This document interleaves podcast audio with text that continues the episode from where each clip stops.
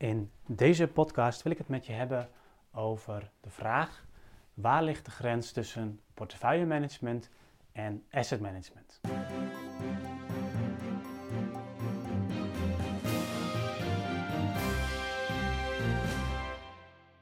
Waar ligt de grens tussen portefeuillemanagement en asset management? Dit is de vraag die ik laatst kreeg van een portefeuillestuurder binnen een corporatie. En bij die corporatie was het zo dat zij hadden bepaald dat alle beslissingen op complex niveau werden genomen vanuit het asset management. En ehm, ja, zij was zelf als portefeuillestuurder verantwoordelijk voor de sturing op corporatieniveau.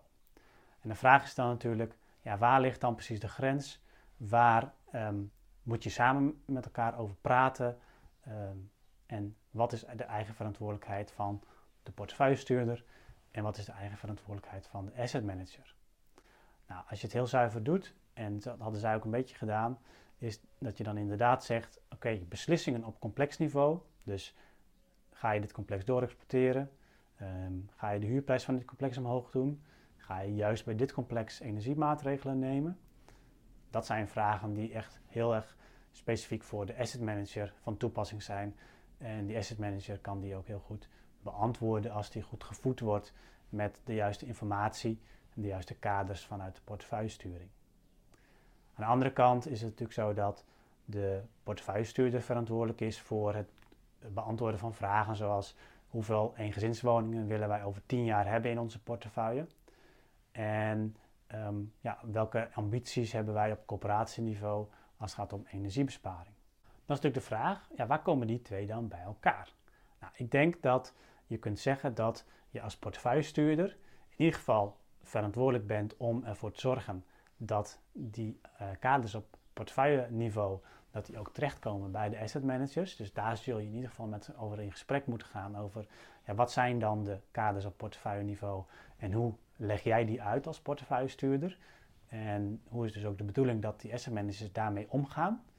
En vervolgens gaan zij natuurlijk over hun eigen complexen gaan ze daarmee aan de slag. En vervolgens heb je denk ik nog wel degelijk ook iets te zeggen over het eindresultaat daarvan. Want als de optelsom van al die beslissingen op complex niveau niet klopt met wat je in je portefeuillesturing hebt bedacht, ja, dan heb je dus wel een probleem. Dan ehm, heb je ofwel heb je die kaders niet helder aangegeven, ofwel de asset managers hebben zich simpelweg niet aan de kaders gehouden. Of er is misschien nog een ander probleem. Dus het is onmogelijk om jouw portefeuillesturing uh, om die te realiseren met de portefeuille die je nu eenmaal hebt. Nou, dat zijn natuurlijk ook problemen die dan aan het licht kunnen komen. Maar in ieder geval zul je um, zowel aan de voorkant als aan de achterkant bij het bepalen van wat is dan de optelsom van alle strategieën die de asset managers bepalen, zul je denk ik als portefeuillestuurder en asset manager in gesprek moeten gaan samen om te kijken of, je, um, ja, of, of dat op elkaar aansluit. Dan is natuurlijk vervolgens wel weer de vraag: oké, hoe zorg je er dan voor dat je die kaders dusdanig helder maakt als portefeuillestuurder, zodat asset managers daar ook echt mee uit de voeten kunnen? Nou, dan zijn er twee dingen van belang, denk ik. In de eerste plaats is probeer het echt eenvoudig te houden. Uh, over het algemeen zul je een, uh, op portefeuilleniveau een wensportefeuille ontwikkelen waarin je iets wilt zeggen over huurprijsklassen, over uh, woningtypen die je wel of niet weer in de toekomst wil hebben of meer of minder van wilt hebben. Je zult iets zeggen over energie um, en soms coöperatiespecifiek zul je ook nog iets zeggen over hoeveel woningen specifiek je wilt voor senioren of voor starters. Of, nou, je kunt natuurlijk op andere um, categorieën ook sturen. Maar probeer dat wel simpel te houden. Als een starterswoning er bij jouw coöperatie op neerkomt dat het vooral een woning moet zijn die goedkoop is, ja, stuur dan alleen op huurprijsklasse en niet ook nog eens een keer op uh, specifiek gelabelde starterswoningen. Zodat die kaders echt simpel blijven en dat die asset managers daar gewoon goed mee uit de voeten kunnen, zonder dat er allerlei conflicten tussen uh, de sturing op huurprijsklasse en de sturing op energieindexklassen uh, ontstaan. Dus dat is het ene. Het andere is dat je er ook voor zult moeten zorgen dat op het moment dat je meerdere asset managers hebt binnen jouw corporatie, dat je die sturing niet alleen op corporatieniveau doet, maar ook op het niveau van deelportefeuilles. Uh, en dan natuurlijk voor elke deelportefeuille waar één asset, managers, één asset manager verantwoordelijk voor is. Want op het moment dat je dat niet doet en je zegt: Oké, over de hele voorraad willen we 100 gezinswoningen minder.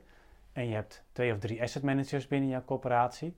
Ja, dat betekent dat dus dat je eigenlijk zegt: van ja, zoeken jullie onderling maar uit wie die 100 woningen gaat slopen. Nou, dat is denk ik ook een keuze die je als portefeuillestuurder moet maken. Uh, en dat betekent dus dat je op deelportefeuille niveau moet aangeven hoeveel woningen je meer of minder van een bepaald type wil. Bedankt voor het luisteren naar deze podcast. Wil je nieuwe afleveringen ontvangen? Abonneer je dan op deze podcast. En kijk ook eens op onze website corporatiestratege.nl voor meer praktische tips en downloads die jouw werk als corporatiestratege makkelijker maken.